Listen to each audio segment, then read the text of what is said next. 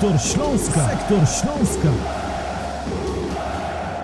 Nie było wielkanocnych jaj w postaci porażki, nie było też wielkanocnego zajączka w postaci kompletu punktów i oddalenia się od strefy spadkowej. Był remis Śląska z Wisłą Kraków, a dzisiaj jest sektor Śląska, w którym ten mecz sobie podsumujemy w redakcyjnym gronie. Karol Bugajski zapraszam, a moimi gośćmi są Jakub Luberda, a także Konrad Omilianiuk.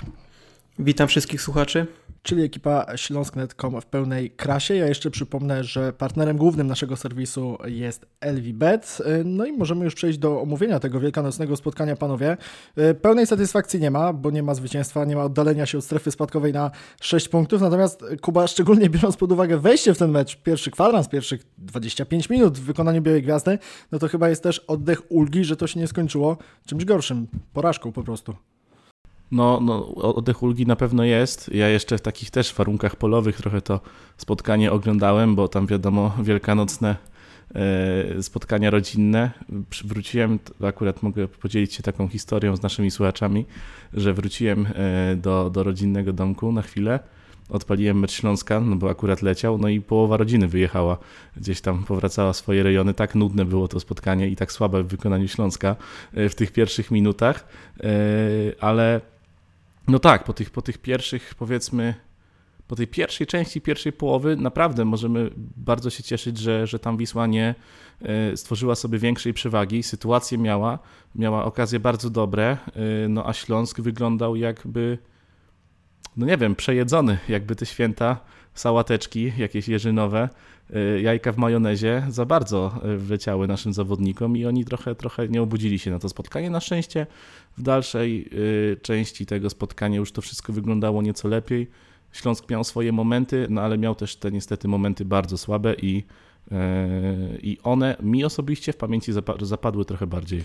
Jeżeli ktoś się spodziewał powtórki z tego, co działo się jesienią przy Reymonta, no to się nie doczekał. Wtedy Śląsk niespodziewanie no, miał jakiś ofensywny zupełnie dzień konia i wygrał 5 do 0. Natomiast e, w tym meczu w wielkanocny poniedziałek spodziewaliśmy się czegoś dobrego, a Konrad przynajmniej w pierwszych e, kilkunastu czy kilkudziesięciu minutach ta gra nie napawała optymizmem. Śląsk jakby zaskoczony takim podejściem Wisły Kraków, a, a trener Jerzy Brzęczek na pomeczowej konferencji pytany przez nas powiedział, no tak, my mieliśmy taki plan, tak chcieliśmy to spotkanie zacząć. No i ja dorzucam od siebie, tak powinno się takie mecze o 6 punktów zaczynać, tylko Śląsk nie był gotowy. Śląsk nie był gotowy, no bo tak, to już nie jest ten trener, który zawsze przypominał o byciu gotowym, więc może to zawiodło. No tak, macie rację, że Śląsk został stłamszony w pierwszych minutach, ale ja bym to przekuł w pozytyw, że grając tylko 15 minut w, na całe 90 Śląsk był w stanie ważny mecz zremisować, bo tak naprawdę Śląsk grał tylko od, y, od tej 30 minuty pierwszej połowy do przerwy, miał taki naprawdę dobry fragment i to by było tyle, jeśli chodzi o pozytywy w tym meczu, no i wystarczyło teraz zdobycie jednego punktu, który yy, może nie daje pełnej satysfakcji, ale przybliża nas do utrzymania.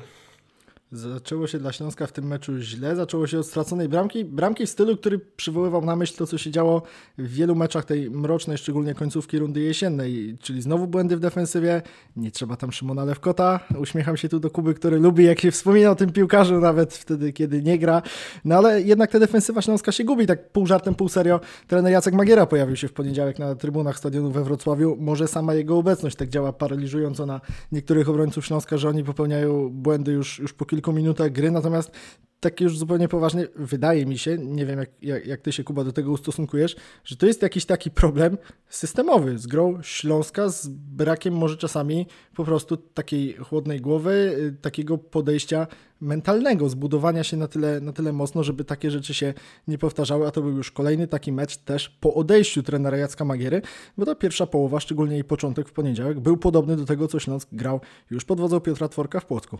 Mam wrażenie, że tam po prostu w tej pierwszej części spotkania, na początku tej pierwszej części spotkania nie funkcjonowało za bardzo nic. I to był duży problem, bo możemy narzekać na, na obrońców, na ich błędy indywidualne, no ale to nie jest też tak, że ich koledzy jakoś bardzo im pomagali, żeby spod pressingu Wisły wychodzić. No to też musimy wziąć pod uwagę, że w momencie, gdy krakowianie wychodzą wysoko, gdy naciskają naszych obrońców, no to tam ktoś musi się pojawić i, i dać alternatywę do rozegrania. Y, to, to, to nie zawsze wina leży w pełni po stronie defensorów, ale No właśnie, zawsze jest to ale i to w tym Śląsku jest najbardziej bolesne, no bo błędy takie jak chociażby Łukasza Bejgera, kiedy on bez tak naprawdę nacisku przeciwnika po prostu podał, e, podał e, jednemu z gości prosto pod nogi. No z tego akurat Wisła tam przekombinowała niesamowicie tę akcję. Tam, tam musiało być 2 do 0, a jakimś cudem Śląsk się z tego wybronił.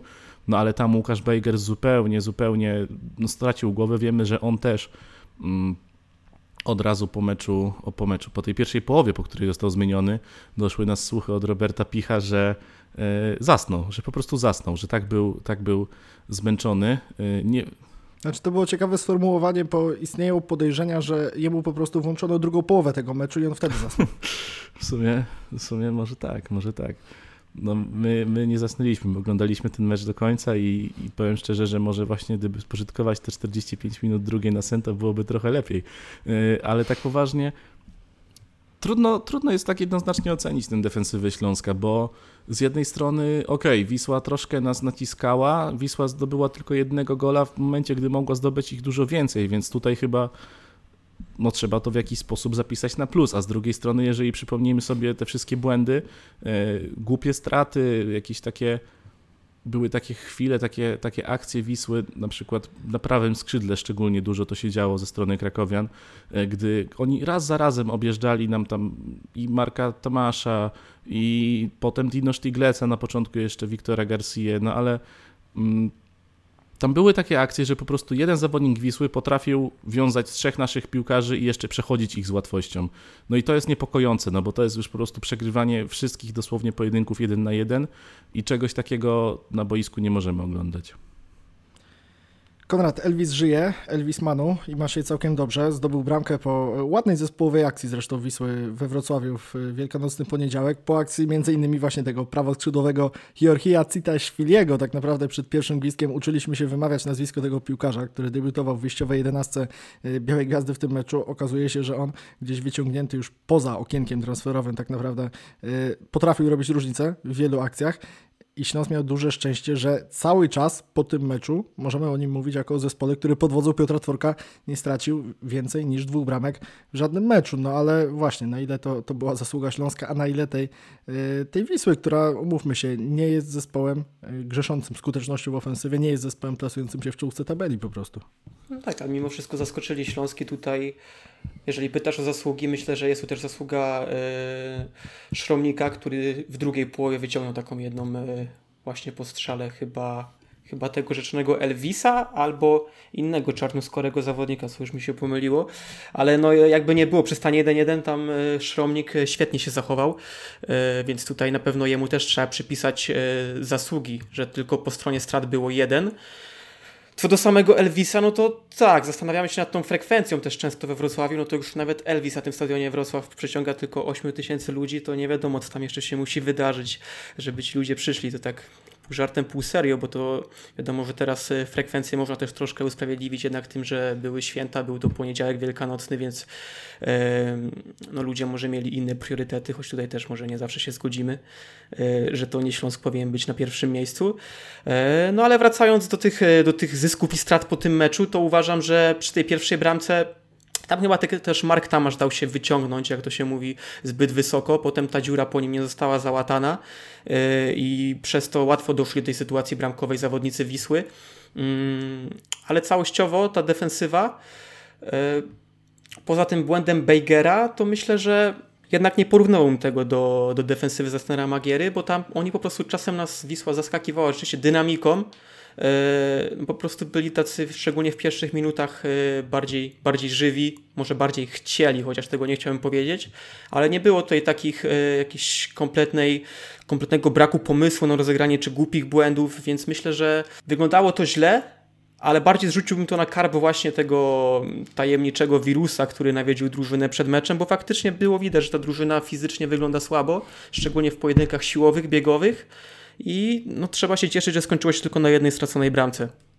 Do tego wirusa, problemów kadrowych też, też jeszcze będę chciał przejść w dalszej części naszej dzisiejszej rozmowy, natomiast wspomniałeś Konrad o Marku Tomasie i przy tym nazwisku też się chciałem zatrzymać, bo to jest zawodnik, który właśnie pod wodzą trenera Jaska Magiery w tym sezonie występował y, w Ekstraklasie szczególnie bardzo rzadko, bo w Ekstraklasie zdążył zagrać dwa mecze w rundzie jesiennej, później oczywiście długa kontuzja, y, wrócił w meczu przeciwko Górnikowi Łęczna na początku lutego, no i ten mecz przeciwko Wiśle Kraków był jego trzecim z rzędu występem już pod wodzą Piotra Tworka od pierwszej do ostatniej minuty. Utarło się, że od kiedy jest Mark Tomasz, czy generalnie kiedy zawsze jest Mark Tomasz, no to ta defensywa śląska wygląda solidniej, mawia się, że teraz również dzięki temu, że, że jest Węgier, to Śląsk tych goli pod wodzą następcy Jacka Magiery wcale nie traci dużo. Natomiast Kuba, ja chciałem Cię zapytać jako wytrawnego analityka, taktyka, człowieka, który ogląda te mecze e, bardzo dokładnie, zupełnie inaczej niż e, inni kibice, czy faktycznie ten Mark Tomasz jest, jest zawodnikiem, którego jesienią tak bardzo brakowało w defensywie Śląska, czy ta poprawa, którą widać w liczbach, bo Śląsk nie traci trzech goli tylko w pierwszej połowie, jak było w meczu z Piastem jeszcze niedawno, tylko traci trzy gole w trzech meczach. Czy Mark Tomasz ma, ma aż tak duże znaczenie, że ten jego powrót jest tak znaczący? Pamiętamy, że kończy mu się kontrakt z końcem sezonu. No, Mark Tomasz jest przede wszystkim e, zwyczajnie w miarę solidnym punktem w tej defensywie, a, a takim stabilnym punktem, że wiemy czego się po nim spodziewać, wiemy też jakie ma ograniczenia, ale to jest zawodnik, który po prostu poniżej pewnego poziomu nie schodzi. A mieliśmy taki problem e, wcześniej z zawodnikami na środku obrony, że oni poniżej pewnego poziomu schodzili i to schodzili bardzo często. E, no i wydaje mi się, że Węgier jest gwarantem może nie pewnej stabilizacji, ale właśnie takiej, takiej powiedziałbym pewności, że to jest taki zawodnik, który no pod pressingiem za często piłek nie traci, który wie po prostu czego chce na boisku, który ma swoje ograniczenia, ma swoje zalety, ale no właśnie, przede wszystkim wokół tego gdzieś się porusza, nie ma od niego, od niego takich odchyłów statystycznych, że tak powiem, e, tak, tak matematycznie się, się, się posłużę takim pojęciem. No i on gra właśnie w miarę, w miarę porównywalnie, te jego mecze są do siebie zbliżone, są do siebie podobne, nie jest tak jak w przypadku Wojciecha Goli, który jedno spotkanie zagra bardzo przyzwoite, będzie kasował wszystkich w powietrzu, jeszcze na ziemi, do tego dołoży jakieś cudowne wyprowadzenie piłki po to, żeby w następnym tygodniu dwa razy stracić właśnie futbolówkę, jak jakiś młodzieniec czy junior i, i, i, i Śląsk na tym właśnie cierpi. Wydaje mi się, że u Tomasza czegoś takiego nie ma, ale jeszcze tak odnosząc się do samego tego spotkania z Wisłą, bo my tutaj prowadzimy trochę taką narrację, jakby ta Wisła zagrała jakoś niewiarygodnie lepsze spotkanie od Śląska, no a właśnie wydaje mi się, że warto się skupić na tym, że Śląsk naprawdę bardzo dobrze zareagował na te pierwsze minuty, bo, bo rzeczywiście te pierwsze powiedzmy 15, 20, może 30 e, minut pierwszej połowy wyglądało bardzo źle, bardzo słabo, no ale później, e, jeżeli spojrzymy na statystyki z całego meczu, na przestrzeni całych 90 minut, a przecież tyle trwa spotkanie, no to Śląsk ma 16 strzałów, Wisła 8, Śląsk 9 celnych, Wisła 2.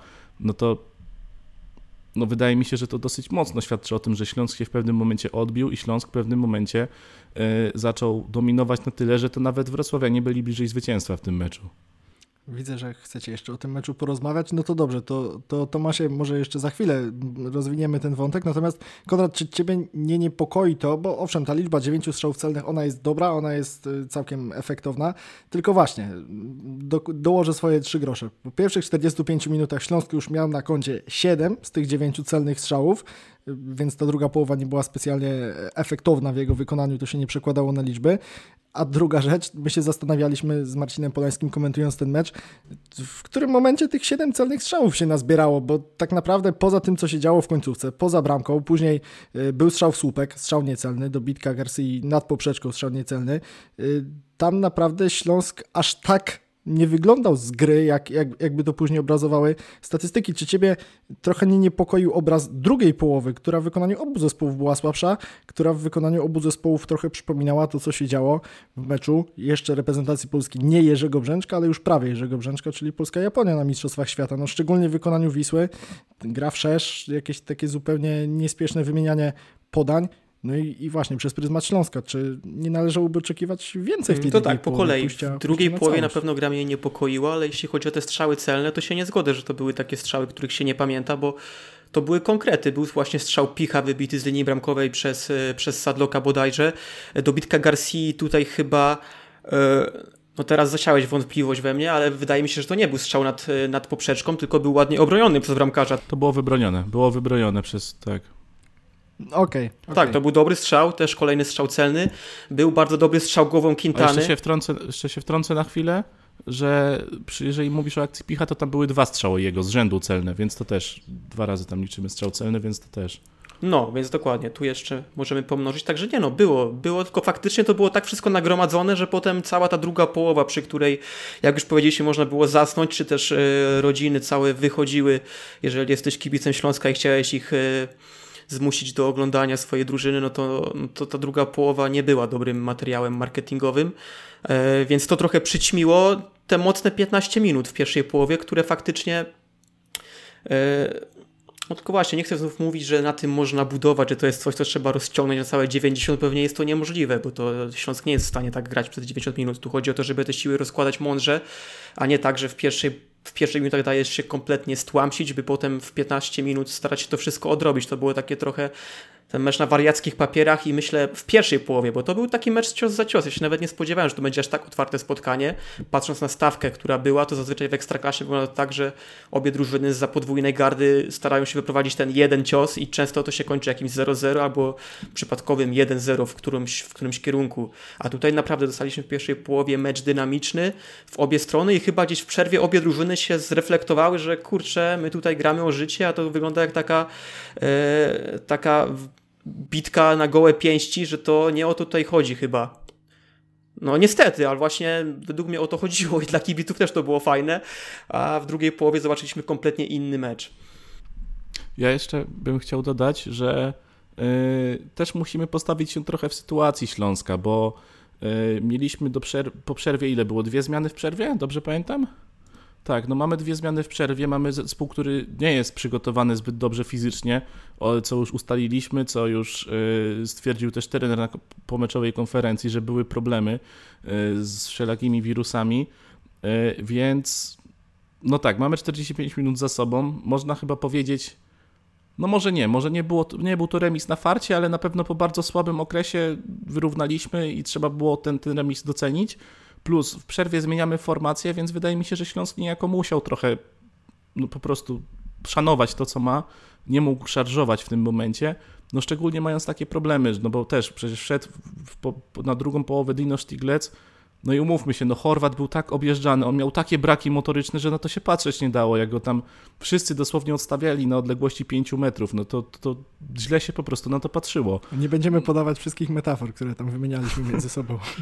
Ale no, no właśnie to jest trochę, to jest trochę niepokojące, więc wydaje mi się, że w obliczu tych wszystkich problemów yy, trzeba niejako Śląsk po prostu zrozumieć, no bo tam nie, nie wierzę w to, że tę drugą, drugą połowę można było na nią wyjść i zagrać jakoś ultra ofensywnie i, i nawet no może nie ultra, no też nie popadajmy w skrajności, ale po prostu wyjść, zagrać ofensywnie i, i być w miarę spokojnym o wynik. Wydaje mi się, że to nie było zwyczajnie tak, możliwe. Tak, ale wciąż od zawodnika typu Erik Exposito na przykład wchodzącego do ofensywy na ostatnie minuty, no to wymagamy więcej, żeby tam jednak dał jakiś impuls tej ofensywie, więc też bym nie usprawiedliwiał do końca tutaj Śląska, bo według mnie powinniśmy grać w tym meczu pełną pulę, choć z drugiej strony, jeśli ktoś miał bardziej nóż na gardę, to była to Wisła i to myślę, że w tej sytuacji kibice obu drużyn mogą być rozczarowani drugą połową, ale jednak jeśli ktoś ma być rozczarowany bardziej, to kibice Wisły, bo to, to właśnie drużyna z Krakowa miała tutaj walczyć o pełną pulę. Nas ten remis jeszcze jako tako może nie tyle uszczęśliwia, co stawia w niezłej sytuacji, więc no tutaj trzeba oddać, że chcieliśmy w tej drugiej połowie przede wszystkim nie stracić, to się udało. I nawet udało się w sumie zredukować tę sytuację Wisły do no, tej jednej naprawdę groźnej, o której wspominałem, gdzie Szromnik się wykazał y, swoim refleksem.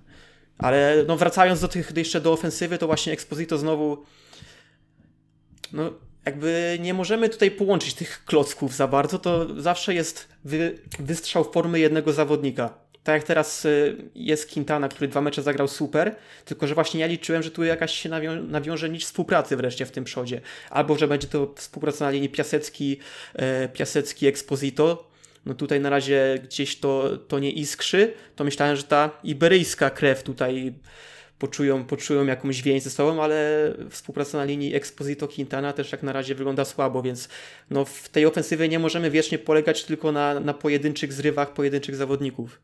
To też jest niepokojące. Mówiliście o tym, kto może być bardziej zadowolony z tego punktu. Ja to podsumuję tak, no Wisła Kraków w pierwszej połowie wyglądała jakby nie znała wyniku meczu Zagłębia na stadionie Krakowi, który odbywał się tuż przed początkiem meczu we Wrocławiu.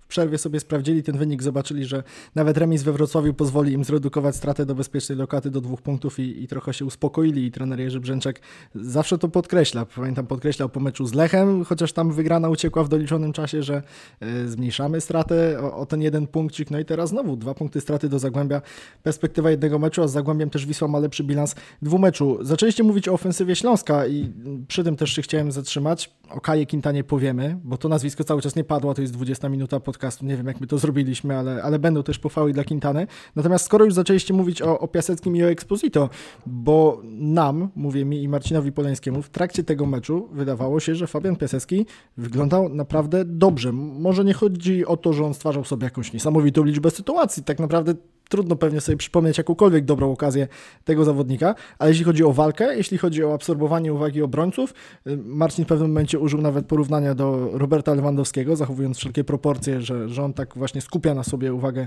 y, rywali, że, że schodzi po piłkę, że, że, że angażuje się w grę, to tam nie można było mieć mu nic do zarzucenia. Później przychodzi pierwsza zaplanowana przez trenera Tworka zmiana w tym meczu, zaplanowana, czyli niewymuszona żadną chorobą ani, ani urazem. No i w 62 minucie, kiedy teoretycznie spodziewalibyśmy się walki o pełną pulę, nie dołącza drugi napastnik do Fabiana Piaseckiego, Erik Exposito wchodzi w jego miejsce. Trener Piotr Tworek jakoś tak nie podchwycił mojej sugestii na pomeczowej konferencji, że Piasecki grał dobrze, więc ja dzisiaj mam do Was takie pytanie, jak to wyglądało sprzed telewizora, jak ten Piasecki Wam się podobał, y, czy ta jego walka była wystarczająca, czy, czy Wy jednak po tych dobrych, udanych, y, szczególnie tym meczu w Częstochowie, na ostatnich występach spodziewalibyście się, oczekiwalibyście się Kuba więcej? Y, no to dwie kwestie. Na początku może od, od, od tej drugiej y, rozpocznę, czyli poruszyłeś wątek, że trener Tworek nie chciał wprowadzić drugiego napastnika. Y, tutaj tak na szybko, już wyjaśniając, bez zagłębiania się w jakieś taktyczne kwestie, no nie widzę, nie widzę takiej opcji, że gramy Exposito, Quintaną i Piaseckim jednocześnie, dlatego że to są zawodnicy, którzy żyją z podań, którzy żyją z tego, że są w polu karnym, może poza Hiszpanem, tym, tym drugim, poza Exposito, e, ale mam wrażenie, że wtedy za bardzo ograniczamy sobie różnorodność tych ofensywnych zawodników, za bardzo ograniczamy sobie pole manewru. Mm, ale e, jeżeli chodzi o występ napastników, no to ja mam wrażenie, że Fabian Piasecki tak, to był typowy mecz walki dla niego, e, w którym on rzeczywiście w momencie, gdy robił trudne rzeczy, gdy miał do zrobienia rzeczy no nie chcę mówić niemożliwe, ale naprawdę takie o, o, wysokim poziomie trudności, gdy dostawał jakieś długie podanie, które musiał przyjąć z dwoma zawodnikami na plecach, utrzymać się przy futbolówce, to to robił dobrze. No ale niestety potem przychodziło to, co już najtrudniejsza część została wykonana, potem trzeba było jakoś akcję popchnąć dalej, dobrze podać, znaleźć się w polu karnym, no i tego tam już Fabiana brakowało, także Jestem daleki od powiedzenia, że to był dobry występ Fabiana. To był występ poprawny, na pewno z dużym potencjałem na to, żeby zrobić więcej. Był to też występ, który pokazuje nam, że Fabian jest w niezłej dyspozycji, tak po prostu, bo on miał, miał momenty, miał momenty, kiedy jego gra mogła się bardzo podobać i też w końcu u niego widać taki głód, coś takiego, że on jest na tym boisku i, i rzeczywiście jakoś niezwykle mu zależy, że, że dużo takich akcji, jak to się mówi przysłowiowo, z wątroby u niego a czegoś takiego nie do końca widziałem u Exposito, bo Exposito po tym wejściu miał może z jedną czy dwie akcje, y, które zagrał w miarę przyzwoicie, no ale nawet nic z tego wielkiego nie wynikło, także mam wrażenie, że tak, że, że jeżeli mielibyśmy porównać tych dwóch napastników, to, to Fabian wyglądał mi y, tutaj na lepszy wybór, no ale to dalej nie jest wybór jakiś doskonały. No właśnie, Konrad, bo wydaje mi się, że mamy do czynienia z ciekawą sytuacją w ogóle na przestrzeni całej historii być może gry Erika Exposito w Śląsku. Mianowicie on w drugim meczu z rzędu usiadł na ławce rezerwowych. Tak było w Częstochowie, tak było w meczu z Wisłą Kraków i to jest absolutnie uzasadnione. Co więcej, wydaje mi się, że przeciwko Brookbetowi trener Piotr Tworek nie ma, nie ma żadnych argumentów ze strony Hiszpana, żeby tutaj coś zmieniać. No, jeszcze, jeszcze niedawno byłoby to dla nas nie do pomyślenia, szczególnie biorąc pod uwagę tę szorstką przyjaźń Fabiana Piaseckiego i trenera Jacka Magiery jeszcze. To znaczy ja też, ja się nie zgodzę, że Piasecki zagrał dobre spotkanie z Wisłą, dlatego może to być przyczynkiem do zmiany i szansą dla Exposito, mm, bo nie przypominam sobie żadnego że nie tyle żadnego udanego zagrania, co po prostu dla mnie to był taki występ dosyć anonimowy. Jakbym teraz miał pomyśleć sobie o Piaseckim w meczu z Wisłą, to nie mam żadnego obrazka przed oczami, co on tam takiego zrobił. No ja, ja widzę wtedy Piaseckiego walczącego, ale w żadnym wypadku groźnego pod no polem właśnie, karnym, prawda? By się wymagało od napastnika. Tego... No z drugiej strony wiadomo jak wyglądała ta pierwsza połowa do 30 minuty, więc on też tam miał zadanie trudne. Ale chociażby Exposito nawet wszedł na to boisko, to miał taką akcję no, dla siebie już chyba klasyczną, gdzie tam minął dwóch zawodników i zszedł do środka na lewą nogę i zagrał do Quintany, który w polu karnym niestety z tą piłką się dobrze nie zabrał i gdzieś się, yy, gdzieś się kompletnie pogubił, ale to już był jakiś konkret ofensywny, yy, więc myślę, że tutaj cały czas trwa ta rywalizacja, ale no też rozumiem do czego, do czego zmierza, że Exposito jest w takiej sytuacji, w której w Śląsku jeszcze nie był, gdzie nikt nawet nie stawia go w roli napastnika numer jeden bez, bezkonkurencyjnego, no bo no nie daje, nie daje do tego pretekstu i to trochę mi go szkoda, no bo miał naprawdę dobrą formę, miał swój okres, może nawet jeden z lepszych okresów w karierze, gdzie strzelał te bramki za tenera Jacka Magiery, dostał e, lukratywną zapewne ofertę z Chin, wszystko już miało mu się tam udać, no i nagle no posypało mu się to wszystko zupełnie. Od tego nieudanego transferu, potem powrót, wiadomo, że jest bez formy, bez obozu, no i teraz to wygląda bardzo słabo. Więc y, szkoda. Szkoda, no bo to jest zawodnik, który pokazał, że ma umiejętności, a teraz no ani go pewnie nie sprzedamy latem, no bo nikt się nie, już nie połasi na zawodnika w takiej formie, ani też nie daje tej drużynie tyle, ile dawać powinien. Ale z drugiej strony to może być dla niego duża wartość na przyszłość, duży kapitał, jeżeli on z tego dołka wyjdzie, jeżeli wróci do dobrej dyspozycji, co wcale też nie jest wykluczone jeszcze w tym sezonie, no bo też mam trochę takie wrażenie, że to jest kwestia, że, że w którymś meczu wejdzie. No zresztą znamy po prostu wszyscy Exposito. To jest zawodnik, który nic nie gra, nic nie robi. Wszyscy mówią, że o, zaraz tutaj w ogóle powinien stracić miejsce w składzie, teraz to miejsce w składzie stracił.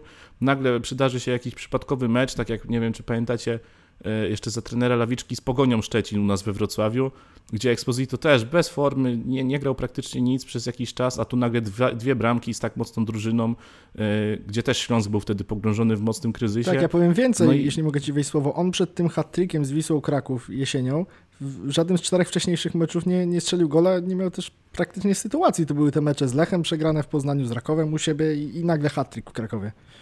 Tak, dlatego, dlatego ja właśnie no mam wrażenie, że, że wbrew pozorom to jest taka sytuacja, która sprawia, że ten Exposito pracuje jeszcze ciężej. On do tej pory nam to pokazywał, że to jest zawodnik, który po prostu jest zawzięty i dąży do tego swojego celu, jakim jest, co też sam wielokrotnie podkreśla, dobro zespołu, czyli on będzie pracował, on będzie się starał, będzie chciał to udokumentować pewnie w końcu jakimś golem, ale yy, to jest sytuacja, która tylko na dobre może wyjść Śląskowi.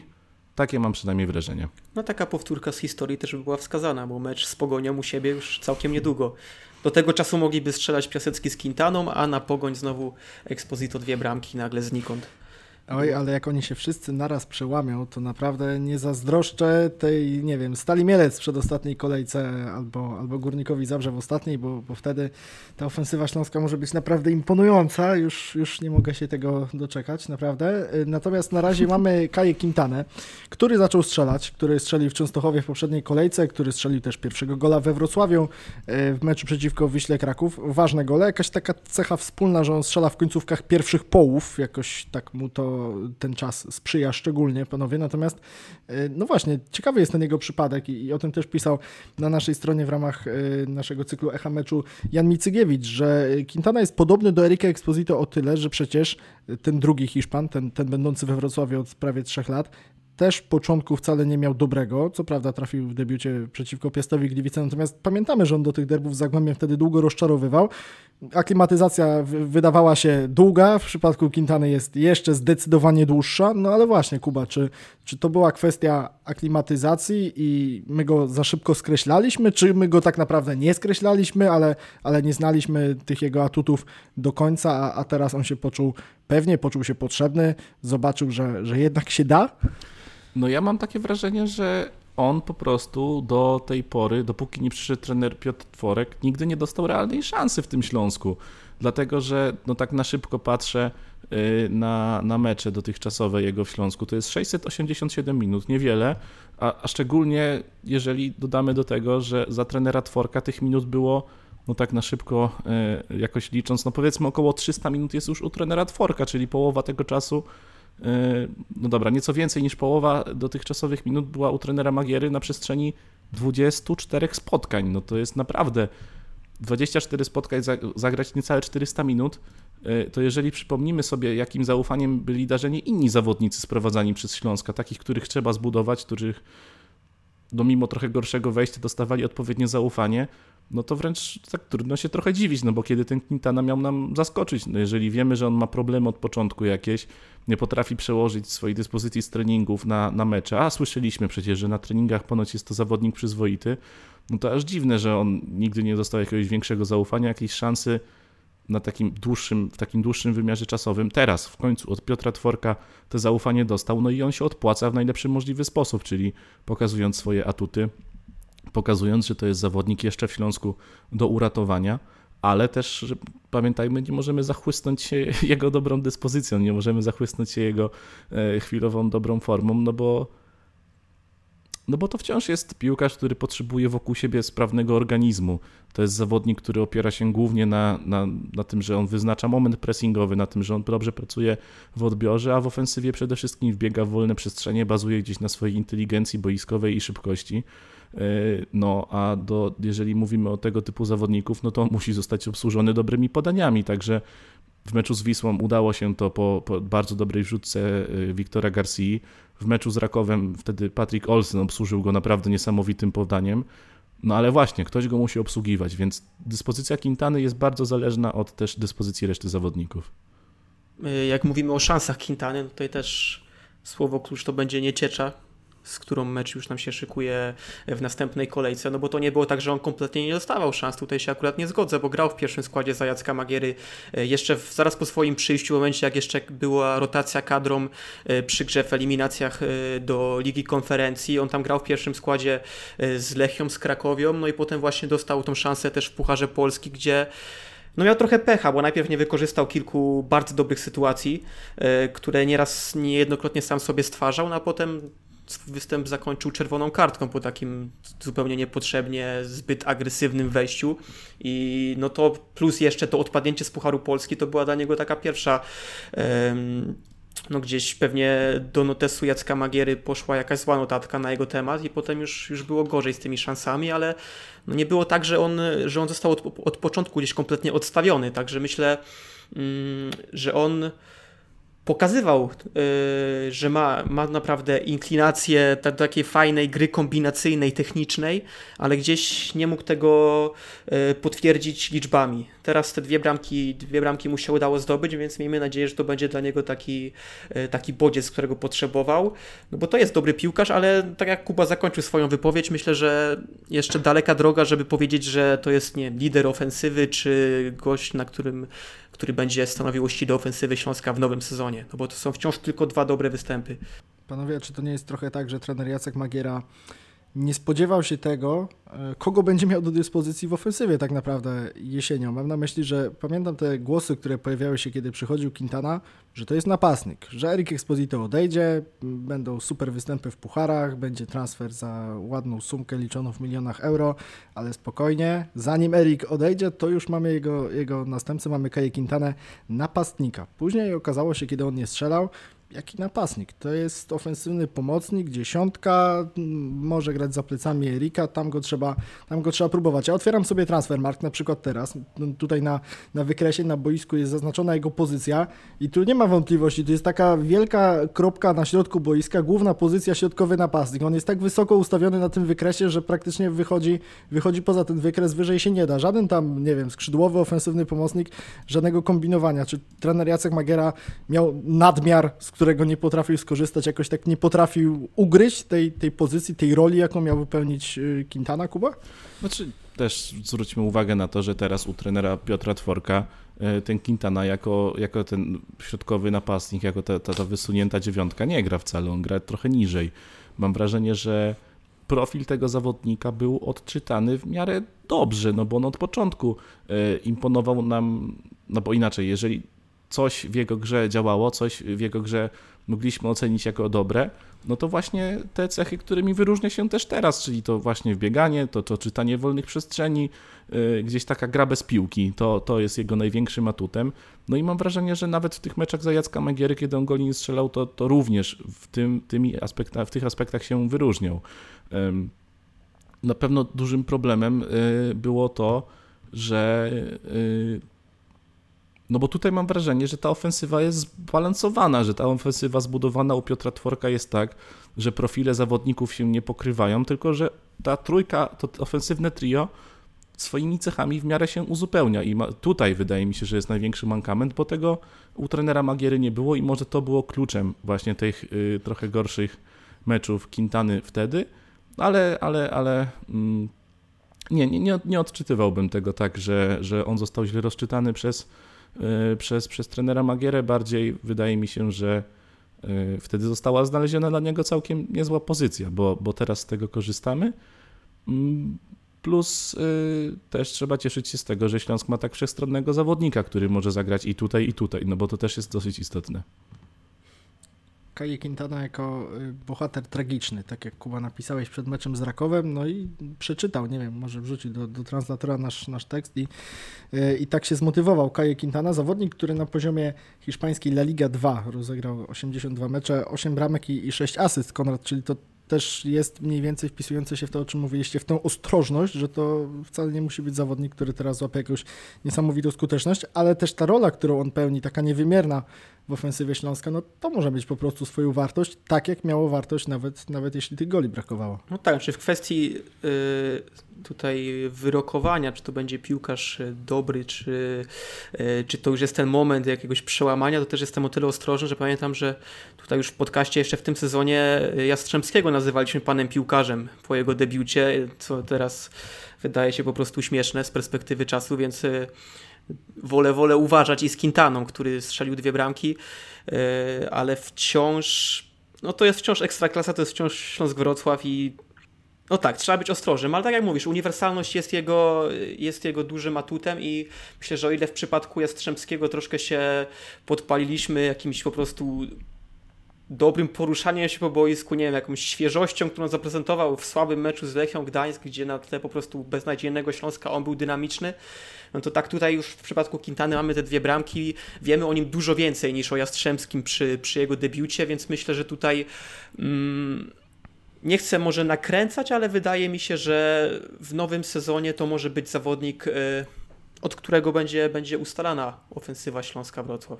Zobaczymy co w przyszłym sezonie, natomiast panowie mamy teraz przed sobą mecz kolejny z cyklu arcyważnych. Może już nie pod takim ciśnieniem z racji, z racji miejsca w tabeli najbliższego rywala Śląska, natomiast umówmy się, że rywalizacja z Brookbetem Termaliką Nieciecza to już muszą być trzy punkty. Tutaj nie ma absolutnie marginesu błędu i nie można już dawać sobie znowu takiego komfortu, że no, remis nie jest zły, remis to, to, to cel minimum, a, a zobaczymy, co się będzie działo dalej. Z Brugbetem Termaliką Nieciecza trzeba wygrać, ale to wcale nie jest zadanie proste, bo już tutaj przewijał się wątek meczu Pucharu Polski w kontekście Kaje Quintany, meczu przegranego przez Jacka Magierę i jego zespół 0 do 1. To była pierwsza w tym sezonie porażka z krajowym rywalem, tak, tak powiedzmy Śląska, bo my często lubimy wracać do tego 0-4 w Poznaniu, że to był ten pierwszy przegrany mecz, a tydzień przed meczem w Poznaniu y, była pierwsza porażka z krajowym rywalem, czyli, czyli nie licząc HPL-u Berszewa. Tym pierwszym był Brookbet Termalika Nieciecza, który później nas, nas też dosyć mocno skaleczył w lidze. Wygrana 4 do 3 Słoników w Niecieczy pod koniec października. Kuba, coś jest na rzeczy, że z tym Brookbetem Śląskowi gra i dalej będzie grało ciężko? Czy to był efekt tamtego czasu, tamtego też trenera, który zmienił się nie tylko przecież w Śląsku, ale i w Niecieczy y, i, i nie, ma, nie ma co wracać do, do, do, do tamtego spotkania. Piłkarze Brookbetu też nie będą mieli tego w pamięci? No coś jest z tym Brookbetem nie tak, dlatego że y, no bo też wspominasz o tym, że to była pierwsza porażka Śląska z polskim rywalem, ale to też była przerwana seria, y, naprawdę świetna seria domowych spotkań. Ten, ten, ten, ten stadion we Wrocławiu był przecież twierdzą Śląska, a no to był jeden z, y, ze spot, to był jeden z meczów, ten pucharowy, y, przez które ta twierdza niejako trochę nam podupadła. Mm, Brookbet jest tyle trudnym rywalem, że w obu tych spotkaniach Śląsk grał w miarę przyzwoicie. Śląsk był chyba nawet, możemy zaryzykować, że nie wiem czy bliższy zwycięstwa w meczu pucharowym. Wydaje mi się, że na pewno. Tam, tam Śląsk grał po prostu bardzo przyzwoite za, zawody. No, tam nic zupełnie nam nie wpadało. Tam były słupki, poprzeczki. E, no, to było niesamowicie frustrujące spotkanie, e, bardzo pechowe, ale tam wszyscy, tak myślę, że nastroje były zgodne i u kibiców, i u dziennikarzy, że tam Śląsk zagrał po prostu przyzwoity mecz. Przegrał, że przegrał, ale, ale to nie, to, wtedy to nie był powód do obaw, prawda? E, w tym wyjazdowym spotkaniu w Niecieczy z kolei to tamtych powodów do obaw było już dużo więcej, bo wtedy zawiodła defensywa, wtedy, no pamiętamy, e, trener Magiera lubił wracać do tego, nie wiemy czy błędu sędziowskiego, czy nie. E, wydaje mi się, że nigdy to nie zostało jednoznacznie rozstrzygnięte, ale, ale też no, wytłumaczenie dla mnie jest trochę głupie, że w momencie, gdy e, przegrywa 4-3 z rywalem, to, to, to, czepiasz się, mówisz, że gdybyśmy strzelili gola, to byśmy z łatwością wygrali. No, nie, nie, no, chyba nie o to chodzi, prawda? No wydaje mi się, że, że ten Brookbet to jest coś, co siedzi w głowach piłkarzy, to jest taki przeciwnik, e, z którym warto byłoby wygrać dla samej takiej mentalnej e, sfery tych zawodników. Zmienił się trener, y, może była to kwestia trenera właśnie szkoleniowca Magiery, może u Piotra Tworka te, te mecze będą wyglądać z Brookbetem lepiej a jeżeli dobrze pójdzie, to ten e, zbliżający się będzie ostatnim meczem z Brookbetem na najbliższe. No właśnie, co Brookbetowi po tych dwóch zwycięstwach? Co im po tym pucharze, co im po tym 4-3 z jesieni, skoro to najważniejsze zwycięstwo, które już praktycznie przesądzałoby wtedy o spadku Brookbetu, może należeć do Śląska e, w sobotę. E, Konrad, to jest niesamowite zresztą, że my dzisiaj mówimy o tym meczu w Nieciecze jako o tym, który rozpoczął to wszystko, co złe dla Śląska Jacka Magiery, który można powiedzieć, że gdzieś tam doprowadził do, do jego dymisji, tak jak czasami są te memy i te kostki domina od najmniejszej do, do największej, co doprowadziło do jakiego wydarzenia. To był to nieuznany gol Exposito na 2 do 0 w Niecieczy, a, a tam gdzieś ta największa kostka na samym końcu to była dymisja po meczu w Warszawie. Natomiast, y, no właśnie, bo, bo Konrad, Ciebie chcę o to zapytać, czy, czy faktycznie piłkarze Śląska mogą mieć, mieć taką dodatkową motywację, że ha, teraz się na Was zemścimy, teraz Was spuścimy do pierwszej ligi Słoniki. No w tej kwestii liczę na Quintanę, bo wspomniałem o tym, że on z tą niecieczą ma złe wspomnienia, no bo można powiedzieć, że jest jednym z winowajców tego, że znowu w Pucharze Polski odpadliśmy na pierwszej przeszkodzie, bo który to już rok z rzędu i wiemy, że ten Puchar Polski kibiców bardzo boli, więc tutaj też e, no nie zgodzę się z Kubą, który mówił, że po tym meczu było raczej takie przekonanie, że a, mecz był niezły, ale w sumie to głównie nie fart, no bo tam jednak była taka mocna frustracja, że znów ten Puchar Polski został zaprzepaszczony e, na pierwszej przeszkodzie. No i duży w tym udział Quintany, który tam chyba po, po godzinie, jak nawet, y, a może nawet mniej gry, tak, dostał czerwoną kartkę, więc myślę, że on na pewno ma to, ma to w głowie. Dochodzi do tego jego dobra dyspozycja, więc fajnie jakby, jakby się odkuł za to. Myślę, że generalnie ta kolejka będzie da nam bardzo dużo odpowiedzi, jeżeli chodzi o, o to, kto spadnie z ekstraklasy, no bo Termalika, jeżeli tego meczu nie wygra, nawet w przypadku remisu, a w przypadku porażki to myślę, że to już jest pewny spadek, no bo tam będą już y, olbrzymie straty punktowe do miejsca bezpiecznego, więc i myślę, że to jest y, to jest ten szkopuł cały w tej w obecnej sytuacji, bo nasi rywale do utrzymania, czyli Zagłębie gra y, w najbliższej kolejce z Górnikiem Zabrze u siebie, a Wisła Kraków z Wisłą Płock, czyli takimi drużynami, które mają już no, takie mają już trochę wakacje. No niestety Ekstraklasa już, już nas nauczyła, że ci piłkarze często nie mając bata nad sobą w postaci e, presji wyniku czy miejsca w tabeli, często potrafią no, po prostu przechodzić obok meczu, mówiąc brzydko, no ale niestety troszkę już nas ta Ekstraklasa tak zepsuła, przynajmniej mnie, że coś takiego trzeba wkalkulować i wydaje mi się, że z tych trzech drużyn to Śląsk będzie miał najtrudniejszą przeprawę, no bo Termalika będzie najzwyczajniej w świecie grała o życie.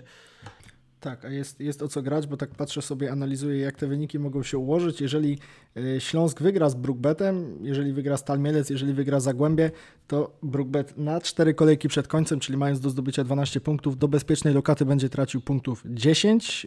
E, I nie analizowałem tego, ale podejrzewam, że miałby też gorszy bilans dwumeczu z którymś z tych rywali na, na ostatnim bezpiecznym miejscu, więc w praktyce 11. Śląsk też musi walczyć notabene o lepszy bilans dwumeczu z Brookbetem, bo po porażce 3 do 4 jesienią nie jest blisko lepszego dwumeczu ze Słonikami, ale to tak na marginesie.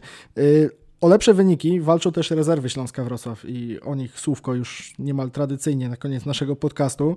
Tym razem inaczej niż, niż ostatnio. Nie rozmawiamy o porażce drużyny trenera Arkadiusza Batora, natomiast Kuba chyba o takiej zdobyczy, o takim remisie, który jest y, o smaku porażki, no bo remis z Sokołem Ostruda, y, najgorszym zespołem nie tylko drugiej ligi, ale i szczebla centralnego, zespołem, który od jesieni, pamiętam ten pierwszy mecz na początku października, już wtedy mówiliśmy, że to jest zespół pogodzony ze spadkiem i, i jakby nie ukrywający tego, bo nie ma tam możliwości gry na szczeblu centralnym, takich finansowych, organizacyjnych.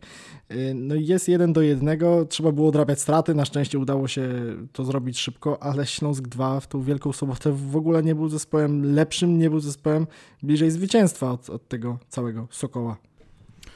No jest to o tyle bolesne, że, że dotychczas trener Bator narzekał na, na to, że jego przeciwnicy grali fizyczny futbol, że, że to nie jest piłka nożna, że jego młoda drużyna to chce grać tak ładnie w piłkę, posiadać ją i, i grać krótkimi podaniami, no to przecież zespół Sokoła jest w tej chwili złożony też głównie z młodych zawodników, ze względu na to, że mają ogromne problemy finansowe i jeżeli mielibyśmy tak scharakteryzować niejako obie drużyny, to ta charakterystyka byłaby w miarę podobna. Także to właśnie w takim meczu powinniśmy oczekiwać fajerwerków od, od zespołu prowadzonego przez Arkadiusza Batora. Tego nie widzieliśmy. Widzieliśmy za to kolejną, nie wiem czy kompromitacja to nie jest za mocne słowo, ale na pewno jeżeli byśmy go, go użyli, to wiele osób by się z nami zgodziło, tak dyplomatycznie z tego wyjdę. Pierwszy punkt u tego szkoleniowca z jednej strony może cieszyć, a z drugiej no właśnie, to jest najgorsza drużyna na szczeblu centralnym. Sokół Ostruda, kurczę, no to jest drużyna, która ma mniej punktów niż GKS Bełchatów, który nie gra od zagrożonego spotkania w rundę wiosenną. No, nie wiem, jak jeszcze bardziej to zobrazować, ale to po prostu jest coś bardzo złego, coś strasznego dzieje się z tymi rezerwami. A to nie jest tak, że tam nie ma komu grać, bo tam gra i Marcel Cylla, gra i Konrad Poprawa. E, znaczy Marcela Celi chyba akurat nie było w ten, w ten weekend, ale w poprzednich spotkaniach był. E, niemniej tam po prostu są zawodnicy, którzy już na szczeblu tym centralnym w tej drugiej lidze niejednokrotnie dawali nam dużo radości. Ja jestem bardzo zaniepokojony. Tutaj e, myślę, że trzeba wszcząć jakieś śledztwo i zobaczyć, co się z tą drużyną rezerw dzieje, dlatego że nie dzieje się dobrze. Ty tutaj dołożę jeszcze statystyki Sokoła Ustroda. W 26 meczach stracił 56 goli w tym sezonie, zdecydowanie najwięcej w drugiej lidze, a w dwumeczu ze Śląskiem 2 stracił gola jednego, bo jesienią przy Oporowskiej było 0 do 0 i to chyba po serii 10 czy 11 porażek był wtedy pierwszy punkt Sokoła Ustruda, więc żeby nie było, że ten Krzysztof Wołczek to, to był taki zdecydowanie lepszy w tej konfrontacji y, z Sokołem, bo, bo nie był. Konrad może już nie, nie o samym meczu tym rezerw, natomiast o, o, tej sytuacji, o której też Kuba wspomniał, że nie dzieje się najlepiej.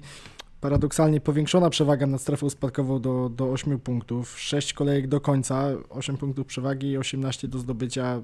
Powinno się udać utrzymać, bo, bo też Hutnik Kraków czy Pogoń Grodzisk Mazowiecki, które tę strefę spadkową otwierają, nie są zespołami punktującymi w jakiś szalony sposób, powiedzmy.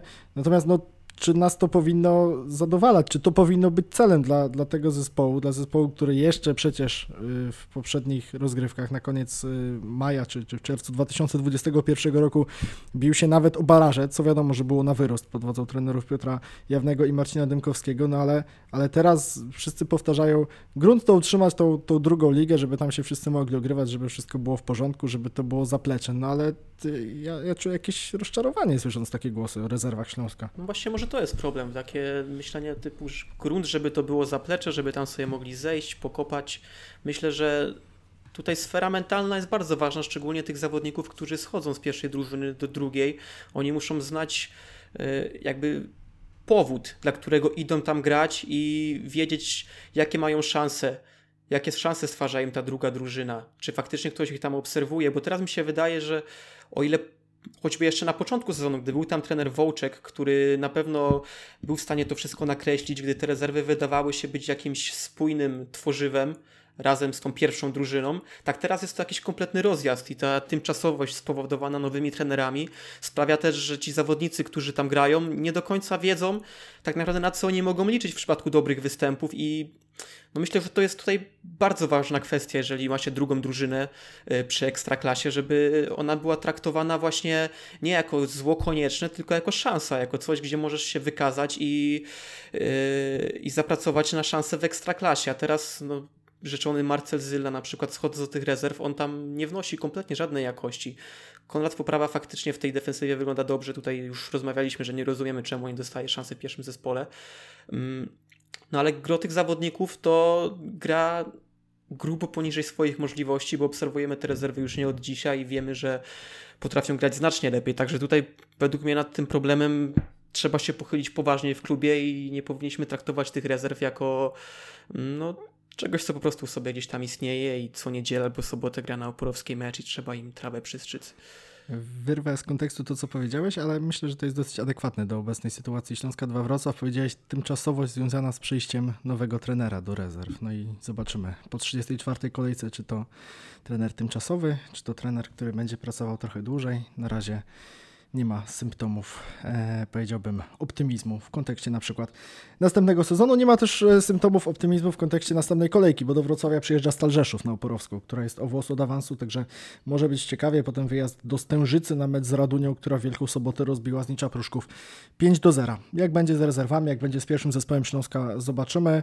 E, ważne mecze przed nami. W piątek przy Oporowskiej o 17 ze Stalą Rzeszów, w sobotę o 15 na Pilczycach z Brugbetem Termaliką Nieciecza. To był sektor Śląska, którego gośćmi byli Kuba Luberda. Dzięki wielkie. I Konrad Emilianiuk. Dziękuję. Dziękuję Wam panowie, dziękuję wszystkim słuchaczom. Słyszymy się oczywiście za tydzień. Hej Śląsk! To jest Sektor Śląska. Sektor Śląska.